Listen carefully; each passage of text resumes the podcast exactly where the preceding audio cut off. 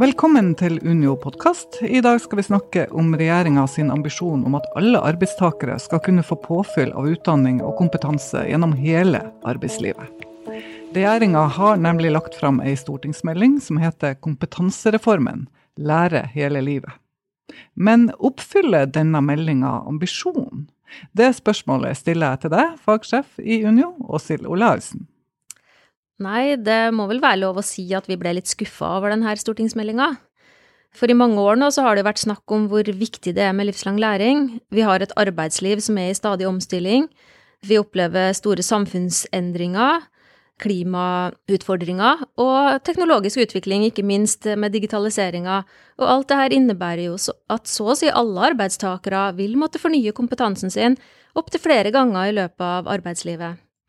Så når regjeringa varsla en kompetansereform, så hadde vi kanskje for høye forventninger, for i begrepet reform så ligger det jo at eh, det skal komme en omlegging til en ny og bedre politikk. Eh, men den stortingsmeldinga her var vel mest av alt en oppramsing og en oppsummering av allerede eksisterende politikk. Så med andre ord nesten det motsatte av en reform. Hva er det som mangler?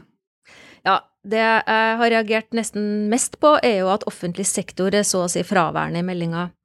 Og behova for livslang læring hos store utdanningsgrupper innenfor sentrale velferdstjenester blir nesten ikke problematisert, og utfordringene blir heller da ikke besvart i meldinga. Den vektlegger nok først og fremst behova i det private næringslivet. Og jeg tenker jo at eh, et system for livslang læring, det må jo omfatte alle yrkesgrupper, både i privat og offentlig sektor. Og også både de med lite, men også de med lang utdanning. Det vi opplever, er at regjeringa vil lage en politikk for privat sektor fordi de per i dag i mindre grad deltar i etter- og videreutdanning enn det som gjøres i offentlig sektor. Men på denne måten så setter de de to sektorene opp mot hverandre og skjuler derfor, eller tildekker derfor, det store problemet, nemlig at det ikke er tilstrekkelig med etter- og videreutdanningstilbud, heller ikke i offentlig sektor i dag. Men, men lærerne, eh, har ikke de vært en slags vinnere når det gjelder etter- og videreutdanning? Jo, det er jo riktig at det har vært et veldig bra opplegg og et system for etter- og videreutdanning av lærere, og vi mener jo at det bør være et eksempel til etterfølgelse for andre yrkesgrupper. For eksempel nå er det et stort behov for et skikkelig kompetanseløft for helsepersonell.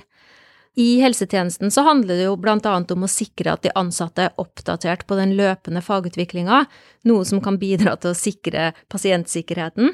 Det er også snakk om å være i stand til å ta i bruk det nyeste teknologiske utstyret på en riktig måte. Og ikke minst så handler det også om å sikre at helsepersonell kan stå i jobben sin helt fram til pensjonsalder. Og vi vet jo at det er stor mangel på arbeidskraft og på, ikke minst på sykepleiere i norsk helsevesen. Så når vi også har kunnskap om at lavere deltakelse i kompetanseutvikling enn det som er ønskelig blant helsepersonell, skyldes mangel på tid og mangel på støtte fra arbeidsgiver, så hadde vi jo forventa at meldinga tok opp denne problematikken. Så nå har Unio faktisk bedt Stortinget om å be regjeringa om å iverksette et reelt kompetanseløft for helsesektoren. Ja, Du mener jo at dette ikke er noe reform.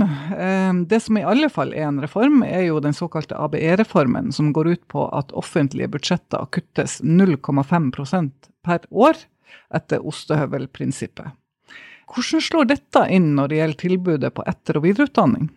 Det vil jo slå veldig uheldig ut hvis regjeringa nå velger å videreføre de årlige kutta gjennom denne såkalte ABE-reformen. For kapasiteten er allerede pressa ved universitetene og høyskolene, og det er vanskelig hvis de nå skal i fullt monn tilby livslang læring, uten at det går på bekostning av de ordinære undervisninga til de ordinære gradsutdanningene. Og det her er ikke noe bare jeg sier eller Unio sier, det her har jo regjeringas eget ekspertutvalg påpekt. Hvis universitetene og høyskolene skal kunne utvide tilbudet sitt og tilpasse det for personer som er i arbeid da, til etter- og videreutdanning, så må de få økte ressurser. Vi hadde jo forventa at regjeringa tok denne problematikken på alvor også i denne meldinga, og at de også selv ser at det kreves en forutsigbarhet i finansieringa, og at man ikke bare kan finansiere det her som nå blir ordinære oppgaver, da, gjennom konkurransebaserte tilskudd, sånn som regjeringa legger opp til. Ja, Apropos eh, finansieringsordninger. Eh, Nå har jo eh, Fremskrittspartiet fått med seg Senterpartiet og Arbeiderpartiet i et krav om et nytt finansieringssystem, der universitets- og høyskolene blir premiert om studentene får relevant jobb etter utdannelsen. Dette kom frem når nå Stortinget holder på å behandle denne kompetansereformen. Dette vet jeg at du har reagert på. Åshild, hva er galt med forslaget? Ja, det er mye å si om hvor håpløst det forslaget her er. Det gjelder både tidspunktet for forslaget, og hva som er hensikten med forslaget, og utforminga av det. Jeg lurer jo på, har de tenkt på hvem er det som skal definere hva som er relevant arbeid? Og hvordan skal man måle det her? Skal det basere seg på hva den enkelte studenten selv mener, eh, og på hvilket tidspunkt, da? Er det et halvt år etter at man er ferdig med utdanninga si, eller ett år, eller er det fem år etter? Og i det hele tatt, å lage et system hvor universitetene skal straffes eller eventuelt belønnes økonomisk for tilfeldige konjunktursvingninger i arbeidsmarkedet, hva vil man egentlig oppnå med det? Det er fristende å spørre seg om hvilket problem dette forslaget er ment å løse. Og det løser jo i hvert fall ikke den utfordringa som denne meldinga skulle svare på, nemlig hvordan får vi et system for eh, god etter- og videreutdanning. Så det er vel bare å håpe nå på at Arbeiderpartiet tar til vettet og snur før saken skal voteres over i Stortinget.